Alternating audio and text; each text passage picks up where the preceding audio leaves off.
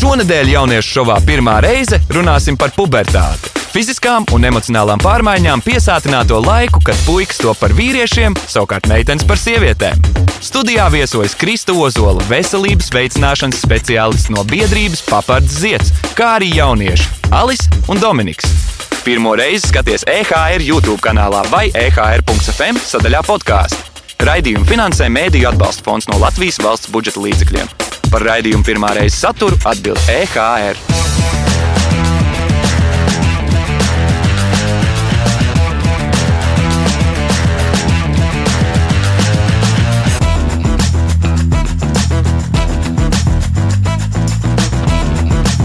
Čau, čau, čau, čau! Šis ir raidījums pirmā reize, un šodienas tēma mums ir pubertāte. Vecākiem bieži vien ir daudz jautājumu un bažas, kas saistās ar to, kā jaunietim palīdzēt iziet cauri šim nu, savā ziņā sarežģītajam un interesantam dzīves posmam. Savukārt jauniešiem bieži vien nav skaidrs, ko īsti sagaidīt, kā labāk sagatavoties un kā reaģēt uz dažne dažādiem pārbaudījumiem, kas viņus sagaida šajā pubertātes posmā. Tad šodien arī par to parunāsimies. Par pirmo un vienīgo reizi par pubertāti. Aiziet!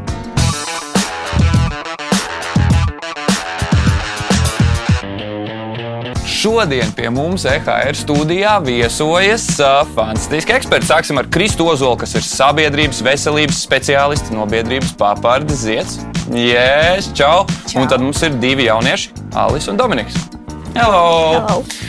Un uh, šodienas tēma mums ir pubertāte. Un, uh, Šķiet, ka mums vajadzētu sākt ar tādu vienkāršu vienošanos savā starpā, visiem, starp speciālistiem, starp jauniešiem, starp mani arī. Kas tad īsti ir pubertāte mūsu izpratnē? Lielākā atšķirība, kas tad atšķir bērnu no pieaugušā, ir tas, ka pieaugušs cilvēks ir gatavs uh, veidot ģimeni, ja veidot bērniņu. Līdz ar to atšķirība galvenā ir tāda, nu, pazīme pusauģa vecumam ir tas, ka mazs bērns viņš kļūst par pieaugušo, un nu, viņš ir gatavs radīt bērniņu. Puisis ir gatavs kļūt par tēti, un mamma ir gatava kļūt par māti, kad pienāks, protams, laiks.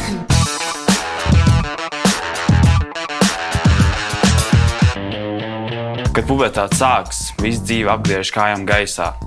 Gan vecāki, gan draugi, pārsvarā draugi pazūd. Tāpēc, ka, tā, kad mēs esam mazi bērni, tad mēs uh, nedomājam par nekādām intīmām attiecībām, nedomājam uh, par neko citu, kā tikai rotaļas un spēlēšanās un uh, prieks, kas ir mūsu dzīvē.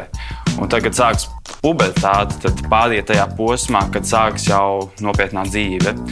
Un, uh, mēs sākam jau uzsaukties, kā mēs iekšēji jūtamies, kas ir uh, ļoti bēdīgi, jo ļoti daudz bērnu tāpēc, un nu, jaunieši um, dzīvo depresijā, tāpēc ka viņi pārdzīvo, ko citi par viņu domā, kā viņi ģērbjas, kā, ko viņi nodarbojas. Un tad viņi sāk iejusties citā lomā kas ir um, arī ļoti nepareizi. No manas puses, ko es varētu ļoti ieteikt, ir uh, dzīvot kā tu pats gribi, izbaudīt to, kamēr tu esi jauns un kamēr tev nav pieaugušā dzīve.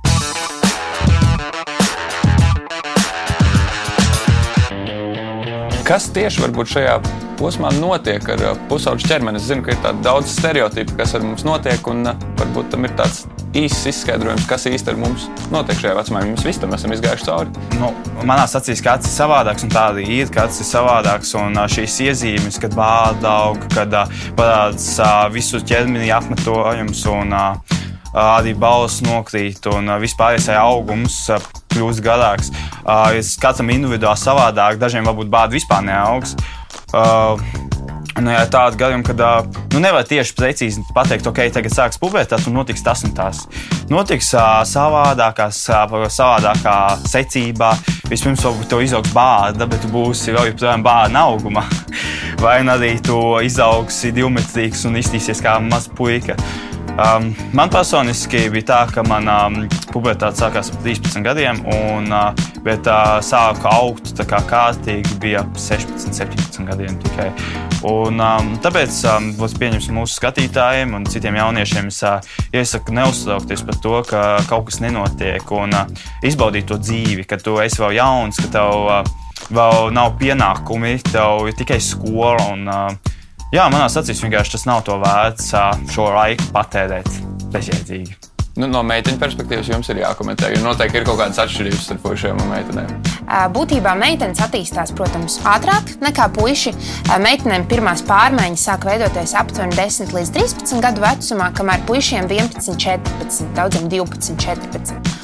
Un meitenes tāpēc bieži vien neizprot, kāpēc puiši vēl ir bērnišķīgi, kamēr viņas jau kļūst tādas romantiskas, nobriedušas, jau tur bezmazliet meklē jau sev otru pusīti, kamēr puiši vēl smilškastē dzīvojās. Un uh, meitenēm pārmaiņas uh, gan emocionāls, gan fiziskas dažādas notiek. Un sākot ar to, ka pirmās pārmaiņas meitenēm tiešām viņām sāk augt krūtis, viņas sāk just tādu nepatīkamu sajūtu krūšu apvidū. Tāpat tās veidojas figūras izmaiņas, tas, ka meitenēm lēnām sāk parādīties gurni. Viņām bieži vien liekas, ka viņām parādās tauki vai ka viņas apaļās, bet patiesībā tas ir pilnīgi normāla pazīme, ka meitenēm paplatinās gurni, līdz ar to paliek arī augšstilbi lielāki. Un, attiecīgi, arī nu, pati figūra, protams, viņa arī aug pati augumā un parādās lielāka pēdiņa. Un tāpat arī apmetojums dažādās ķermeņa vietās, nu, dažādas lietas.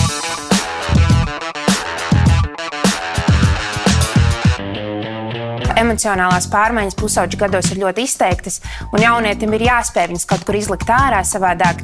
Ar laiku šīs emocijas var sākt izpausties citādos veidos, kā bija piemēram ar mani, ka man sākās diezgan smaga mēnesis sardzība tieši saistībā ar to, ka es visu laiku savas emocijas apslēpu iekš, iekš neiz, neizteikšanās un, un būtībā tāpēc, ka es neizliku savas emocijas ārā. Uh, tomēr uh, esmu ļoti pateicīga arī saviem vecākiem, ka viņi man informēja un stāstīja, kas ar mani notiks. Bet es zinu, cik ļoti svarīga ir šī informācija un saprast, ka jebkura pārmaiņa, kur notiek ar tevi, ir pilnīgi normāla, ka tai ir jāskatvojas un, un ka arī ir jāspēj ar vecākiem aprunāties, lai arī viņi pieņem visas pārmaiņas, kas notiek ar tevi un neuztver to kā tavu nepaklausību vai vienkārši sliktu raksturu.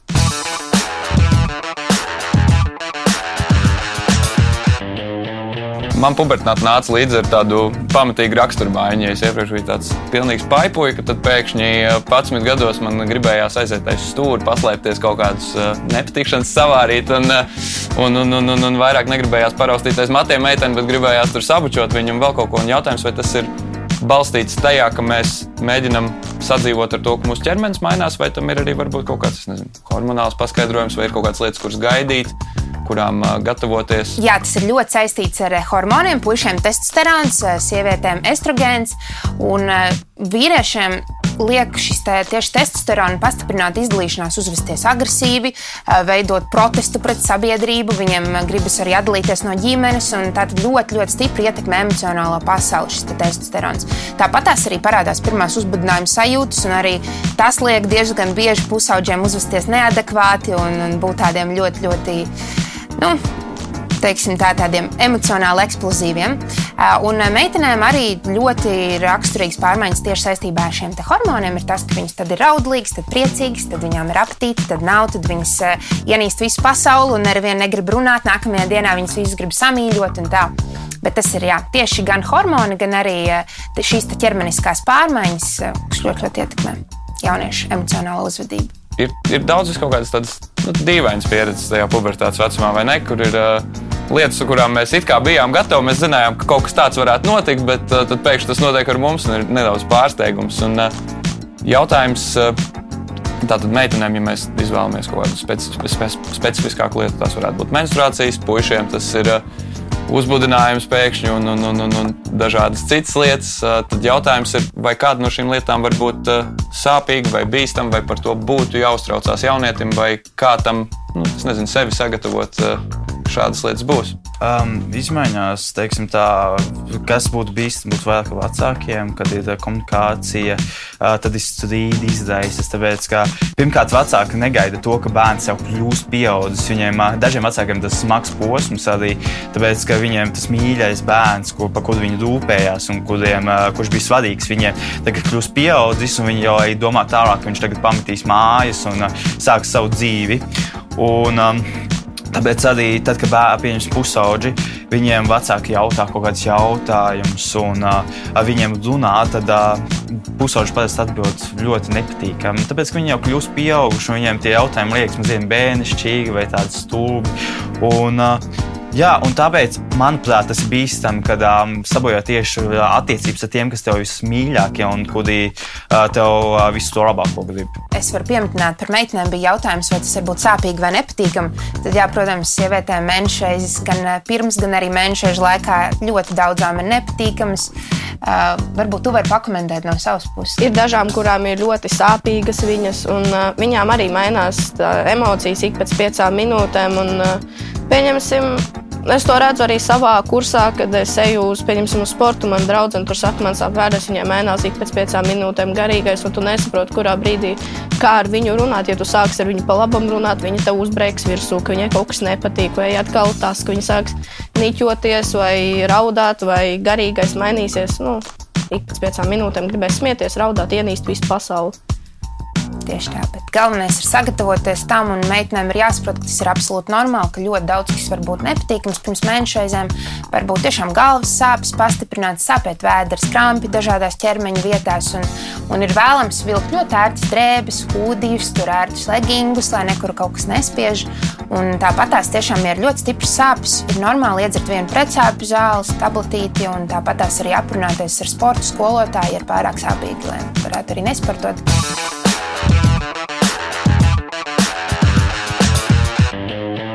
Mani informēja, ka uh, sāksies pubertāte, tad man izmainīsies viss.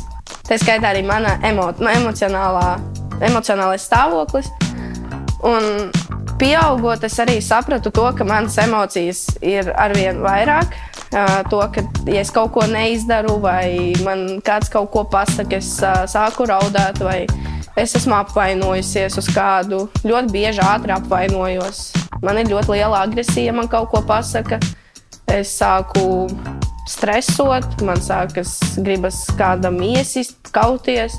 Bet, ja man kaut ko pasaka izdarīt, es uzreiz kā, paklausu un dzirdu un uzreiz izdaru, lai nav problēmas pēc tam. Kā arī uh, savu draugu lokā es arī esmu pieredzējis to, ka tur mani apceļ vai kaut ko. Es esmu ļoti bieži vērsies pie draugiem pēc palīdzības, prasot, ko man darīt tādās situācijās, lai, izvēr, lai izbēgtu no situācijām, kad es kādam nodaru arī pāri. Jo es zinu, ka ir teiciens, nedara citam to, ko tu negribi, lai dara tev atpakaļ.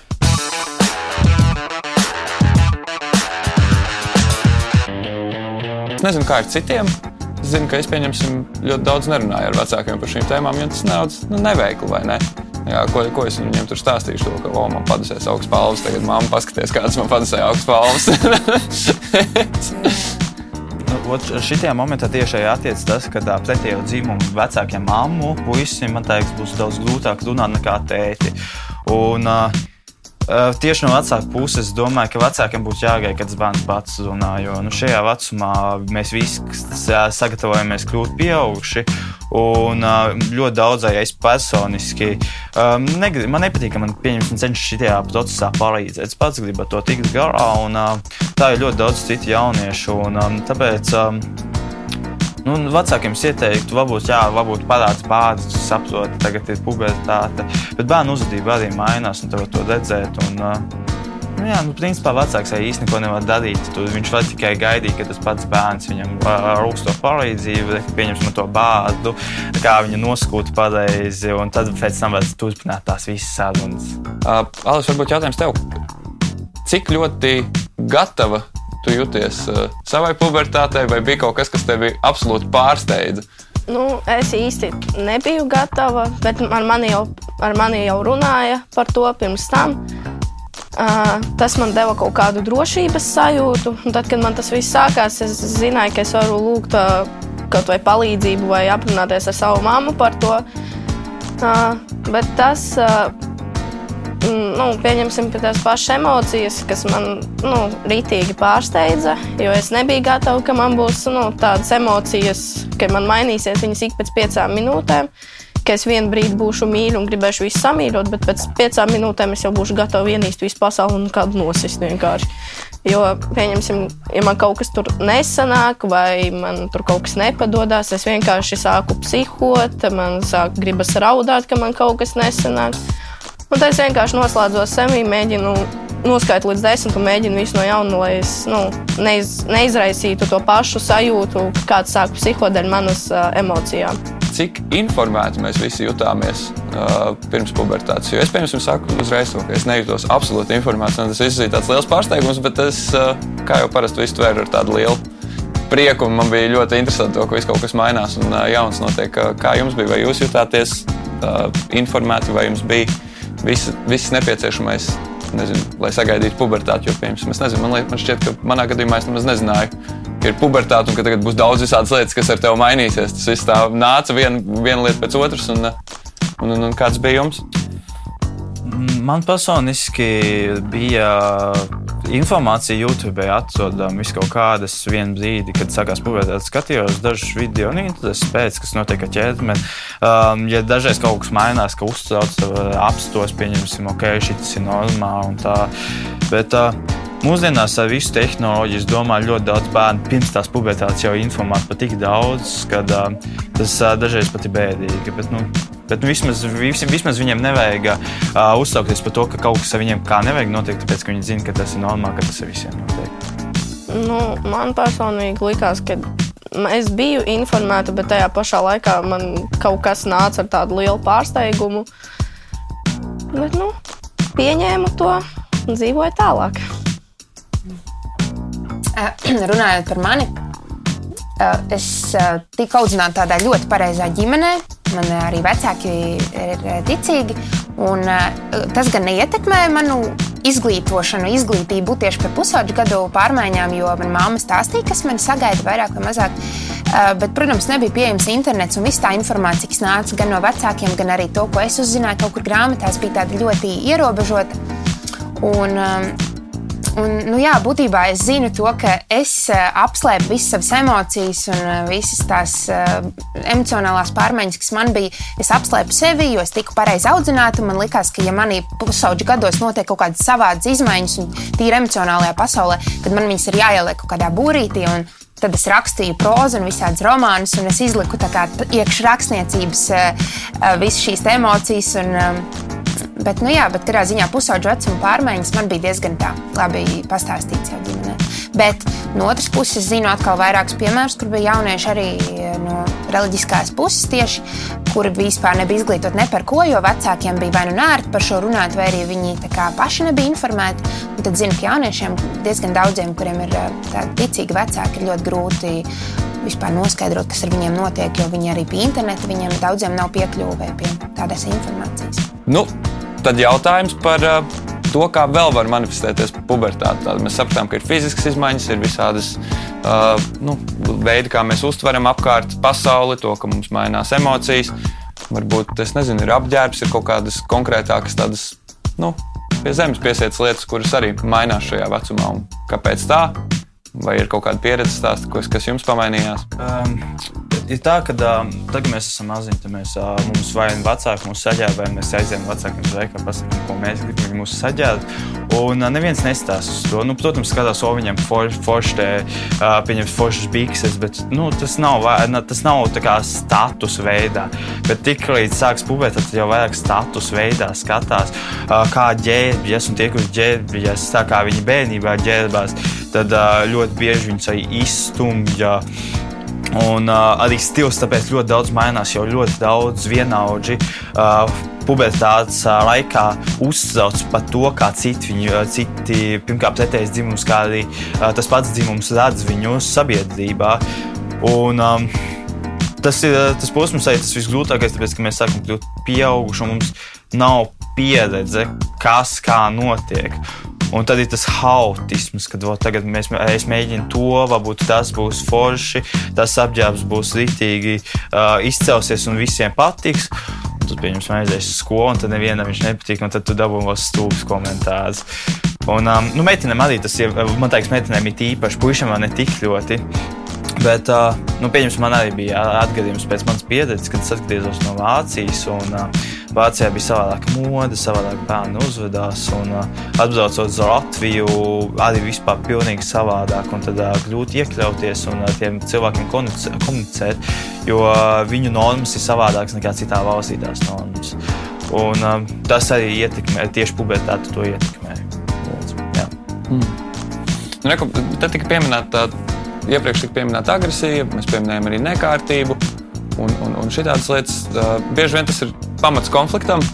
Nu, no savas pieredzes atceros to, ka ja iepriekš bija grāmatas šeit, un zīmuļi šeit, un uh, šis te un tas tur, un tikko jāiet gulēt, tad tajos pusauģis gados bija tāds, ne, es iešu un darīšu citādāk, es uh, kaut kur kaut ko nometīšu, kaut kur kaut ko es atstāšu, vai uh, neiešu gulēt. Un es atceros, kā tagad es vēl liku savai istabai priekšā tur tādu dvielīti uh, pie apakšējās malas durvīm, lai nevarētu redzēt to, kas pa nakti kaut ko datorā tāpēc, ne, nevis tāpēc, ka man tur kaut ko vajadzēja darīt, bet tāpēc, ka vat, tagad ir laiks man un es, es tagad viņu izmantošu sev.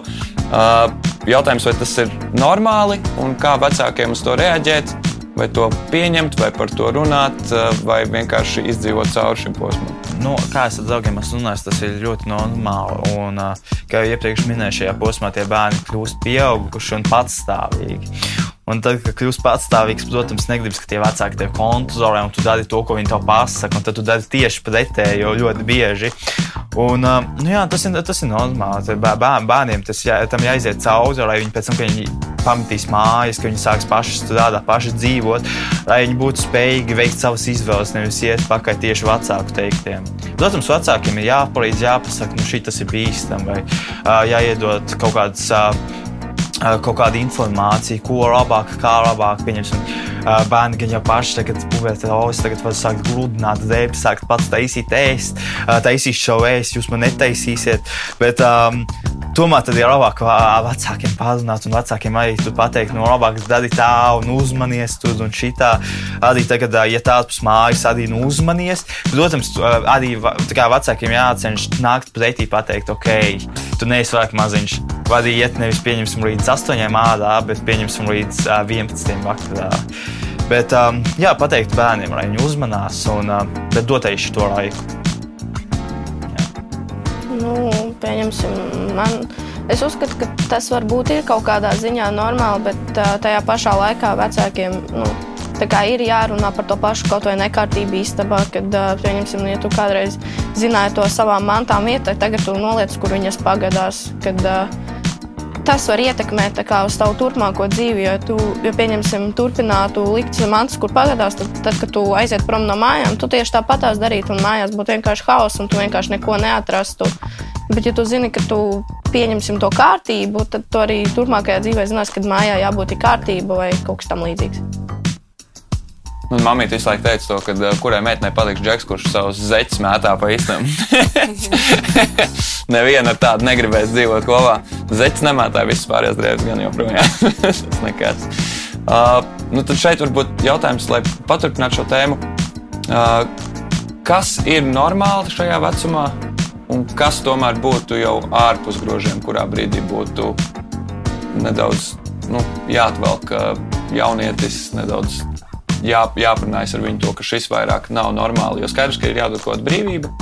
Tajā pašā laikā brīvība ir ļoti plašs termins, un laikam, ka visu arī nevajadzētu ļaut. Kurš ir varbūt kaut kāda, kaut kāda pazīme, kaut kāds brīdis, kur nu, šis jau ir par tālu šajos, šajā gadā un arī pēdējos gados, kad tehnoloģija eksistē, manuprāt, ir ļoti grūti vecākiem ielikt tieši to robežu. Tāpēc, ka um, caur visu TikToku, Instagram, caur visu to uh, tās robežas tiek tik augsts paceltas, ka tie bērni var darīt principā jebko, un ir grūti pateikt, nē, tu to nedrīksti darīt.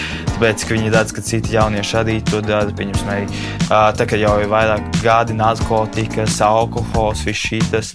Um, tiek uh, mēdījos uh, pastāstīts, un uh, bērni vecāki varbūt cenšas viņus atturēt no tā. Bet uh, tajā momentā bērns saka, nē, man jaunieši arī to dara, un viņi turpina to darīt. Bet, uh, manuprāt, vecākiem jādomā gan par bērnu pašreizējā situācijā, gan par nākotni. Un robeža ir tad, kad viņi ietekmē savu nākotni, uh, pieņemsim tieši tām, jā, tām zeķēm vai uh, um, to, ka viņi vienkārši visu dienu mājās sēž pie datora un vispār neiziet ārā un nedomā par citām nodarbēm. Kad, um, tas ietekmēs viņu nākotni, un tāpēc vajadzētu vismaz teikt viņiem, pateikt viņiem, uh, mazliet viņiem uz nādiem, uzkāptiem pusauģiem, bet uh, pēc tam tie bērni paši sapratīs, ka jā, man tomēr būs labāk tā. Pieņemsim, ja bērni negrib mazgāt pašu savus drēbes un visu viņus izmātā, tad uh, bērniem teikt, un viņi ar laiku arī sapratīs, ka tās drēbes, pieņemsim, ja viņi patiesi no paša izmazgā, patiesi no paša nolaika, tad viņi paši viņas varēs atrast, pašiem viss būs kārtīgi. tāpēc dot tādas robežas. Nē, nu, es pilnībā piekrītu Dominikam, ka ir kaut kādas robežas. Tā, tā skaitā ar tiem pašiem gadgetiem, telefoniem, datoriem. Jo pieņemsim, bērns, kad tu ieslīgsti datorā, telefonā, tu vairs neredz apkārt, kas notiek. Tu negribi māju kārtot, tu negribi darīt neko citu, vienkārši gulēt divānā un skatīties savu TikTok. Bet uh, tas īstenībā pie kā laba nenovada, jo beigās tu nemāki neēst, gatavot, ne māju kārtot, ne tā tālāk. Un tad tu no, nonāc situācijā, ka tu iekļūsti kaut kādās nepatikšanās, ir problēmas ar policiju, ar alkoholu un vispārējo. Nu, tad, uh, Kristi, jautājums tev. Cenšamies atbildēt uz šo īsi un konkrēti. Kas ir biežāk pieļautās kļūdas no jauniešiem, no vecākiem vai no apkārtējiem tieši šajā vecumā? no vecākiem ir tikai divas kļūdas, kuras viņi var pieļaut. Viens ir viņi bērnam vispār nenoliek nekādas robežas, jo bērnam šajā vecumā patiesībā ir nepieciešams apzināties, ka tiešām ir kaut kādas robežas dzīvē, ka viņš nevarēs darīt visu, ko viņš vēlās, un dabūt visu, ko viņš vēlās. Tātad viens ir, ka vispār nenoliek robežas, un numur divi, protams, ka uzliek pārāk striktas robežas, aizliek darīt lietas un izpaust sevi, kas ir absolūti normāli pusauģu gados. Savukārt no pusauģu viedokļa, nu, viņu problēma ir viens tiešām, ka viņi uzskata, ka viņi ir visgudrākie un ka vecāki vispār nav jāklausa, kas arī ir raksturīgi, jo viņi grib dumpoties, un tad viņu vecākos vispār neklausās, bet numur divi ir arī, ka viņi pārāk ļoti pakļaujas vecākiem un zaudē savu es un savu viedokli. Tāpēc tā ir tāda viltīga spēle, tev ir jāatrod to vidusceļu, kā tomēr klausīt, bet tomēr arī pašam veikt savus eh, lēmumus. Okay. Uh, no jauniešu puses, kas ir biežāk pieļautās kļūdas šajā vecumā? Ko viņa teica, jau izklausās pēc sajūguma gāzes mašīnā. Jā, tā tieši īstā vieta. uh, bet, um, jā, principā taisnība bērniem um, būtu kļūdas tādas, ka bērni nekonsultējas ar vecākiem, kuri visu labāko grib. Protams, ne visi ir izņēmumi, bet uh, vecāki tomēr mīl tos bērnus un uh, uh, viņi grib palīdzēt un negrib to ļauno. Un, um, būtu labi kaut kādai dažreiz parunāt, konsultēties. Un tāpat arī vecākiem jāparāda tas, ka viņiem dūp tie bērni. Nevis visu laiku pieņemsim bļaut virsū vai aizrādīt vai ielikt robežās, bet parādīt, jā, ka uztrauc tas bērns, ka uztrauc, uztrauc tas, kas ar viņu notiks, ar viņu, ar viņu nākotni. Uh, jā. Alice saka, jā. Alice saka, jā. Nu, super. Un tad pēdējais jautājums šodienai. Mēs šodien pieskārāmies daudz dažādām tēmām, bet, ja vajag vēl papildus informāciju, vai ja viss iet pāri malām un tu nezini vairs pie kā ķerties, kur ir kaut kādas vietas, kurās meklēt praktisku padomu, palīdzību tieši saistībā ar pubertātes tēmām. Es pēc savas pieredzes varu teikt, ka ļoti labi vieta YouTube. Bet, um, diemžēl, latviešu YouTube nav tik spoža, nav tik daudz cilvēku, ka, un, uh, un it īpaši, kad stāstīs par pubertāti, un uh, būs aprama informācija. Bet, um, YouTube, kas ir internacionāli, angļu, vācu valoda, varbūt krievu, krievis, ne, pats nezinu. Um, ir vērtīgs, ja ir kāds jautājums, kaut kas pieņems par bādu, uzrakstīt to savu jautājumu YouTube, izmetīsies vairāk video. Protams, nebūtu simtprocentīga uzticība uz viņu, censties filtrēt to informāciju, bet uh, jā, paņemt un uzsūkt tās zināšanas un uh, censties saprast, kas ar savu ķermeni notiek. Es varu pieminēt, jauniešiem ir ļoti svarīgi zināt, ka ir jauniešu uzticamības tālrunis. Ja gadījumā tiešām sākas depresijas pazīmes vai nav neviens ar ko aprunāties, un vecāki liekas, ka mūs nesaprot, mēs vienmēr varam pazvanīt. Tas ir 116, 111. Tātad 11, 611. Un tur tiešām ir speciālisti un psihologi, kur palīdzēs tieši saistībā ar pubertātes vecumu pārmaiņām un būs ar ko aprunāties. Un tāpat tās ir tiešām arī svarīgi, protams, kā arī Dominiks minēja, svarīgi ir izsvērt informācijas patiesību, ko mēs atrodam internetā, jo ir tik daudz kas pieejams. Un ir vēlreiz, protams, jāatgādina jauniešiem, ka nu, ir ļoti svarīgi nemācīties no tādām lietām, kā piemēram pornogrāfija, kas ir diemžēl ļoti pieejams visos vecumos mūsdienās, ka tiešām tas absolūti nav informatīvs materiāls. Tāpēc um, izsveram katru reizi informāciju, ko mēs atrodam internetā, vai tie ir uzticami avoti. Vēl viena lieta, ko es gribētu piebilst tieši par avotiem un par internetu, uh, neuztraukt, ah, pieņemsim, puiši tīpaši, kas skatās pornogrāfiju bieži. Um, tas, ka nesalīdzināt sevi ar citiem, kāds ir savādāks. Un, uh, um, arī pieņems, ka tu esi īsāks vai garāks, neuzsaukties. Uh, šis ir teiksim, tā, arī savā ziņā skaists posms, kad tu pārējais pieaugušo dzīvi, un uh, tu to atcerēsies visu dzīvi, atcerēsies uh, pirmo mīlestību, un uh, arī skolas pabeigšanu, un uh, visu, kas uh, beidzas tieši pirms pieaugušo dzīves robežas. Uh, tāpēc, um, Jā, galvenais ir uh, centies sevi uzlabot, bet nesausties par to, ka cits ir labāks, cits ir uh, lielāks, uh, vai um, ka citam vairāk naudas vai kaut ko tādu, jo mēs esam tikai jauni vēl.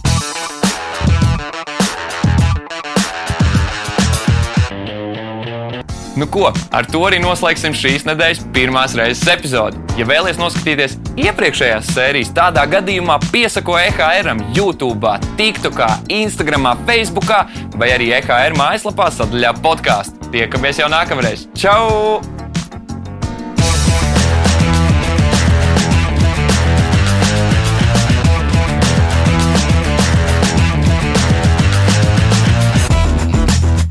Pirmo reizi skaties EKR YouTube kanālā vai EKR.FM sadaļā podkāstu. Raidījumu finansē Mēdīļu atbalsta fonds no Latvijas valsts budžeta līdzekļiem. Par raidījumu pirmā reize saturu atbild EKR.